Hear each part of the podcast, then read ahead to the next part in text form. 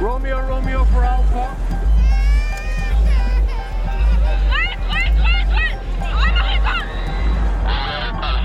Uppdrag rädda liv. En podd från Läkare utan gränser. Kod röd, triage och wash. Vad är egentligen detta och varför är det viktigt under ett sjukdomsutbrott som covid-19? Välkomna till Läkare utan gränsers podd Uppdrag rädda liv. Och I dagens, ska vi kalla det specialavsnitt, så kommer vi också djupdyka lite i Läkare utan gränsers insatser mot covid-19 i världen och vårt arbete kopplat till coronaviruset. Jag heter Katinka och arbetar på kontoret i Stockholm och mitt emot mig, på behörigt avstånd såklart, sitter Anna Blideman, sjuksköterska och medicinsk rådgivare på Läkare utan gränser. Välkommen! Tack! Läkare utan gränser har ju projekt i drygt 70 länder världen över. Och på flera platser i bland annat Europa så startar vi nu projekt kopplade till covid-19. Det handlar till exempel om Spanien och Italien som ju drabbats väldigt hårt av det här utbrottet.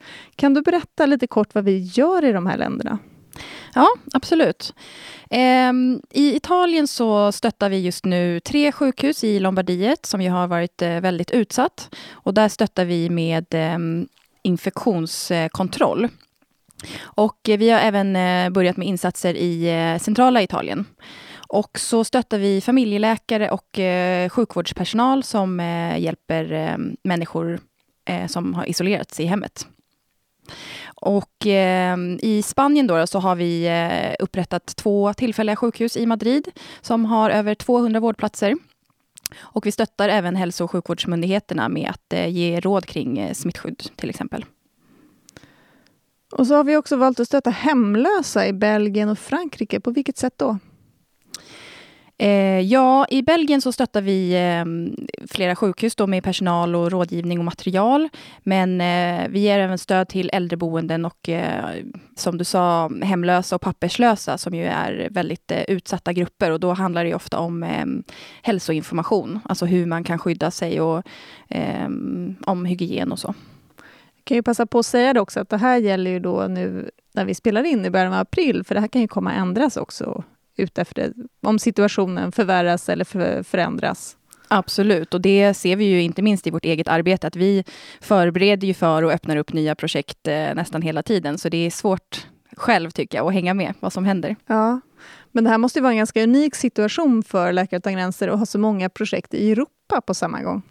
Ja, men det är det ju verkligen. Vanligtvis så har ju vi eh, inte så här många projekt i Europa som vi har nu. Så på så sätt är det unikt. Men samtidigt så är vi också väldigt vana med att arbeta med sjukdomsutbrott och stötta den befintliga vården när den är överbelastad. Så på så sätt så gör vi det som vi är duktiga på. Vi har också fått rapporter om utbrott i de flesta, skulle jag säga, vad jag har sett, av de länderna som vi arbetar i också utanför Europa. Vilka insatser, om du kan nämna några, har vi i andra länder? Ja, alltså i, i princip alla våra projekt nu så och alltså alla de länder där vi arbetar i så förbereder vi oss för på olika sätt att eh, genomföra en omställning av projekten helt enkelt så att vi ska kunna vara beredda på att ta emot patienter med covid-19. Eh, det handlar ju både om att vi är förberedda då eh, kliniskt när vi eh, kommer få patienter. Men det handlar också väldigt mycket om eh, hälsoinformation. Det är någonting som vi jobbar mycket med annars också, men det är kanske ännu viktigare nu nästan att vi eh, utbildar personal för att man ska kunna informera personer om, om hygien och så. Och när du säger kliniskt, vad menar du mer specifikt då? Vi jobbar ju både då med det här eh, hälsoinformationen som är det förebyggande arbetet, men sen då även i projekten som vi redan har, där vi jobbar med andra typer av eh, sjukdomar. Det kan ju vara eh, förlossningssjukhus, eller det kan vara traumasjukhus, eller det kan vara att vi jobbar med mm, svara på något mässlingsutbrott redan. De befintliga projekten jobbar vi också med att ställa om, så att eh, vi ska kunna ta emot patienter inom de projekten. För jag tänker i många av de länderna där vi arbetar i finns ju de här så kallade riskgrupperna. Jag tänker på tuberkulos och luftvägssjukdomar. Hur påverkar det vårt arbete? Det påverkar ju vårt arbete jättemycket, just för att vi, vi och alla har begränsade resurser och vi vill ju att eh, de här projekten ska kunna fortgå. Vi kan ju inte eh, nedprioritera det som vi jobbar med nu. Så vi måste hitta ett sätt där vi kan jobba med att eh, fortsätta ge vård och behandling till de patienter som vi gör redan nu, som du nämner, till exempel tuberkulos. Men att också kunna svara på och det här äh, stora utbrottet av äh, covid-19. Och sånt här utbrott kan ju påverka de här länderna som har så svaga sjukvårdssystem eller till och med icke-existerande sjukvårdssystem. På vilket sätt då? Ja, det blir ju en eh, överbelastning i sjukvårdssystemet och resurserna räcker helt enkelt inte till. Så det blir ju en jättesvår situation om det redan är ett pressat läge och sen så utsättas för det här också. Och människor kan inte alltid, du pratade lite om hälsofrämjande arbete, men jag tänker att de här förebyggande åtgärderna som att tvätta händerna och isolera sig, är det ens möjligt? Nej, på många ställen så är ju inte det. Och eh, vi... Eh, själva definitionen av en katastrof är ju att resurserna inte räcker till.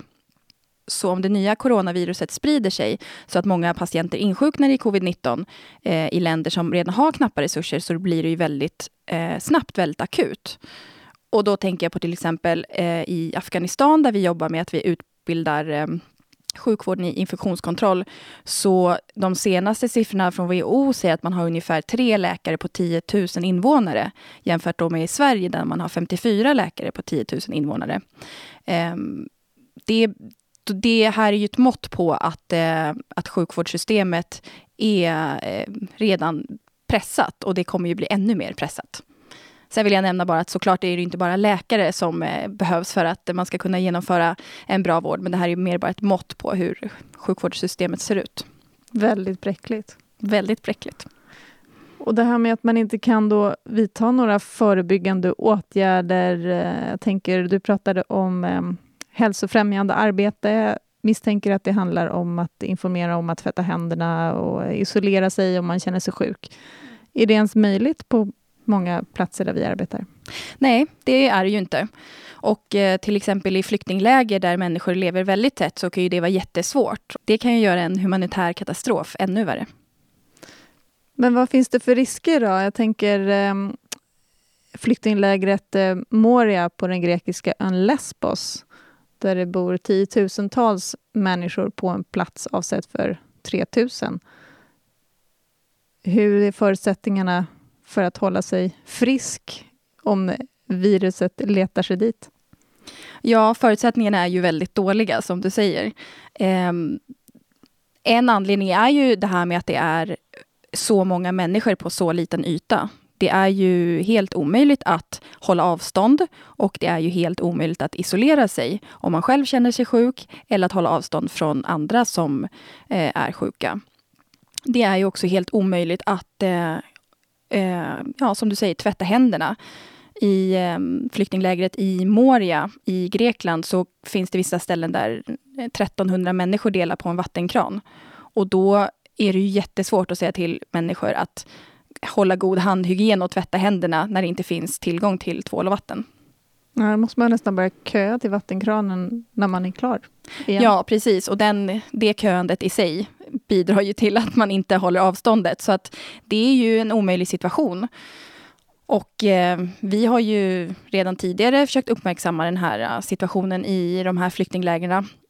Att vi tycker att människor måste evakueras därifrån och det, den situationen är ju ännu mer akut nu. Och behovet av evakuering är ju ännu större än någonsin. Och så vitt vi vet idag så har vi inga bekräftade fall i just Moria. Det har varit ett bekräftat fall på ön Lesbos, men det är en lokal, lokal befolkningen. Men hur förbereddes då vår personal på plats för eh, eventuella sjukdomsutbrott? Ja, men som du säger så har, är det ju inga bekräftade fall ännu. När det här sänds så kanske det kommer vara det. Eh, men om eh, om coronaviruset sprider sig i såna här sammanhang, som i till exempel ett trångbott flyktingläger, så kommer det bli en katastrof. Så att det som vi kan göra och det som vi fokuserar på nu, det är ju det som vi var inne på lite förut, det här med förebyggande åtgärder. Att vi försöker, eller vi utbildar vår personal i eh, infektionskontroll och eh, eh, försök, kommer även försöka se om vi kan hjälpa till med screening och så. Eh, men det är jättesvårt. Det är verkligen en utmaning i de här flyktinglägren. Och screening, på vilket sätt eh, jobbar man med det då? Eh, ja, det kommer ju handla om då att man måste försöka skilja då på och se vilka som är smittade och inte.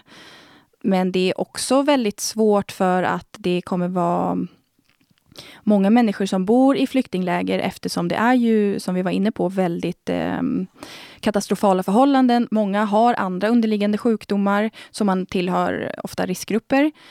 Men eh, man har också kanske ofta andra typer av luftvägssjukdomar, luftvägssymptom, som kanske är ganska liknande de symptomen som covid-19 gör. Så det kommer vara kanske ännu svårare i sådana här situationer än vad det är annars att försöka eh, avgöra eh, vem, vem som är smittad och inte, utan då, alltså innan man har tillförlitliga tester. Och vår personal är också i riskzonen för att smittas. Hur gör man för att undvika att de blir sjuka? Eh, ja, vi gör ju såklart allt vi kan för att de inte ska bli sjuka och vi eh, använder ju såklart eh, all skyddsutrustning som man ska använda och all internationell personal som vi har som åker ut till andra länder för att arbeta i olika typer av projekt. De får sitta i karantän i två veckor i landet innan de kan börja arbeta. Jag nämnde ju WASH här inledningsvis. Det står för vatten, sanitet och hygien. Hur jobbar Läkare utan gränser med det i fält?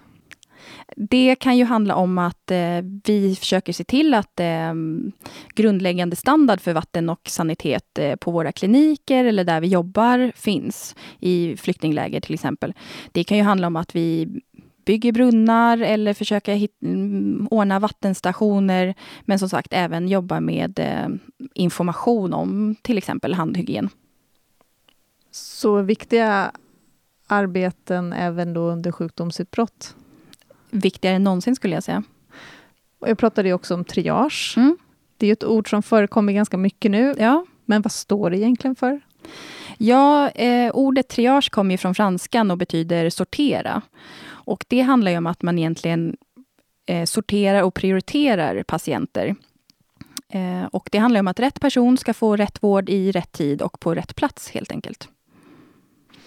Hur kan det fungera vid till exempel, säg en bilolycka?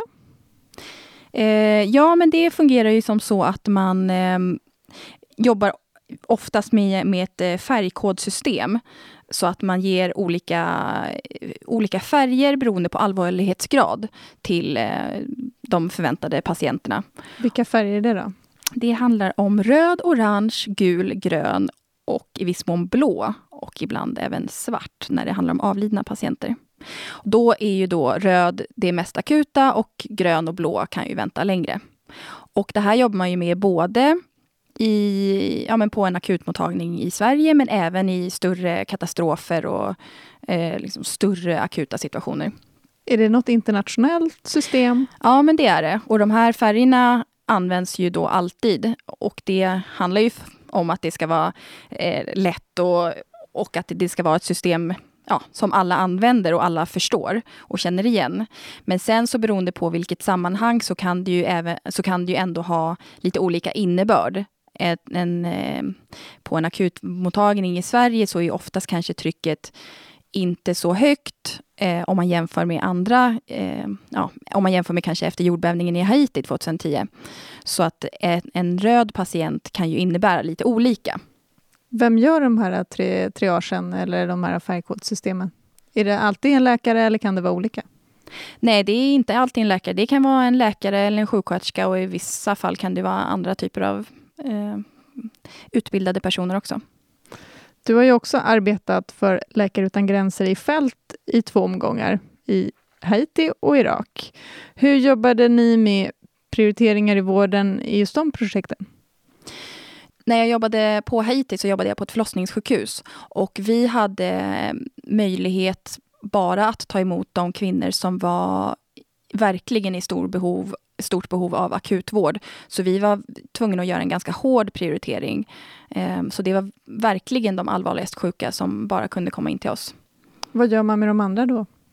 Ja, det är ju jättesvårt. I vårt fall så var vi tvungna att hänvisa dem till andra typer av sjukhus. Men det är en jättesvår bedömning när man kanske jobbar i ett sammanhang där man vet att andra typer av sjukhus inte har samma typer av resurser och eh, ja, samma möjligheter att ta hand om de här, i det här fallet kvinnorna, på ett lika bra sätt som vi tycker att vi hade kunnat göra. Så det kan vara en stor utmaning. Vad krävs för dig som både sjuksköterska men också människa att, att klara av att fatta de här besluten? Nej, men det är ju jättejobbigt. Men som vi var inne på så är det ju ändå ett stöd att falla tillbaka på att det här triagesystemet är ändå eh, internationellt och det, att det finns ett system att luta sig tillbaka på. Att det inte handlar om bara mitt eget beslut. Um, och Det tror jag är väldigt viktigt både för mig som personal men även för patienten att känna trygghet i det. Att, att eh, besluten baseras inte bara på min magkänsla just då, den dagen utan det baseras eh, på parametrar ofta, till exempel på hur många andetag du tar, på om du har någon feber eller inte, på om du har varit med om någon olycka eller sådär. Så det är väldigt standardiserat och som sagt, jag tror att det är, det är verkligen en trygghet att man inte behöver stå där med beslutet helt själv. Men eh, som till exempel när jag jobbade i Irak så hade vi så otroligt många patienter som kom till oss och vi var återigen tvungna att prioritera väldigt hårt. Och då var vi kanske också tvungna att väga in lite andra aspekter som till exempel om människor hade rest i flera dagar för att komma till vår klinik. Om vi skulle skicka hem dem, har de möjlighet att komma tillbaka och i så fall när och sådär. Så det är ju alltid jättesvårt när man vet att resurserna är knappa och behöva säga nej till folk. Och det försöker man ju att inte göra om det går, men ibland måste man ta tuffa beslut. Så hur viktigt är de här riktlinjerna, att de finns på plats från början? Ja, men som sagt, det är ju jätteviktigt. Att, jag tror att det är superviktigt både att det är standardiserat eh, så att alla gör på samma sätt och för sin då personliga eh, hälsas skull, att man vet att man, att man inte står ensam med beslutet. Men det betyder inte att det är lätt ändå. Du har jobbat också i svensk sjukvård fram tills ganska nyligen. Hur jobbar man med prioriteringar i svensk sjukvård i vanliga fall? Nej, men det är ju liknande. Att när man söker till akuten så, så blir man ju triagerad, som det heter. Av, oftast då av en eh, undersköterska, eller sjuksköterska eller läkare. Och då får man ju en färg på sig, även fast man kanske inte är medveten om det själv. Det är inget de berättar? Det gör man oftast kanske inte, för att det handlar ju om vilka, mm, vilka andra som, patienter som finns där och det kan ju komma någon annan ännu mer akut. Även fast du kanske var den just akuta just nu och sådär. Men jag tycker eh, som sagt att man kan känna sig väldigt trygg med det. Att eh, är man väldigt sjuk så så får man och ska få vård först och eh, är man lite mindre sjuk så kan man också vänta. Så det tycker jag man kan känna sig trygg i om man sitter på akutmottagningen och får vänta några timmar och det kanske känns eh, lite jobbigt. Men då är ju det för att eh, man inte var kanske så himla sjuk och det borde man ju i så fall vara ganska glad för också. Det är ett omvänt sätt att se på den här väntan. ja, och det, jag tror alla kanske inte ser det så, och kanske framförallt inte just när man sitter där. Men egentligen så borde man ju vara glad för det, att, att hela teamet inte bara rusar och att man får eh, all uppmärksamhet direkt, för då borde man ju bli orolig. Tänk på det ni som lyssnar nästa gång, om ni hamnar på akuten. Mm. Du och jag vi jobbar ju vanligtvis hemifrån nu för tiden, som många andra. Hur går det för dig? Det är svårt. Det är svårt med rutiner tycker jag. På vilket sätt? Um, ja, för min egen del så tycker jag att det är lite svårt att veta när arbetsdagen tar slut. Har du några bra tips till våra lyssnare? Eller tre bästa tipsen? Tre bästa tipsen är säkert tips som jag själv inte följer, men det är väl att komma ut på dagen och skapa rutiner. Och jag tror ett bra tips som jag själv har börjat med, det är att lägga in i kalendern faktiskt. Pauser och eh, att man ska gå ut och röra på sig eller kanske till och med äta lunch. Det, annars tycker jag att det är lätt eh, prioriteras bort. Och nu har vi på band att du ska göra de här mm. sakerna också i framtiden. Tack Anna för att du tog dig tid. Tack. Vi kommer säkert få anledning att återkomma till det här temat corona och covid-19 i flera poddar. Och tills dess så hör gärna av er till oss i sociala medier som Facebook, Instagram och Twitter. Och ta hand om er. Du har hört Uppdrag rädda liv, en podd från Läkare utan gränser.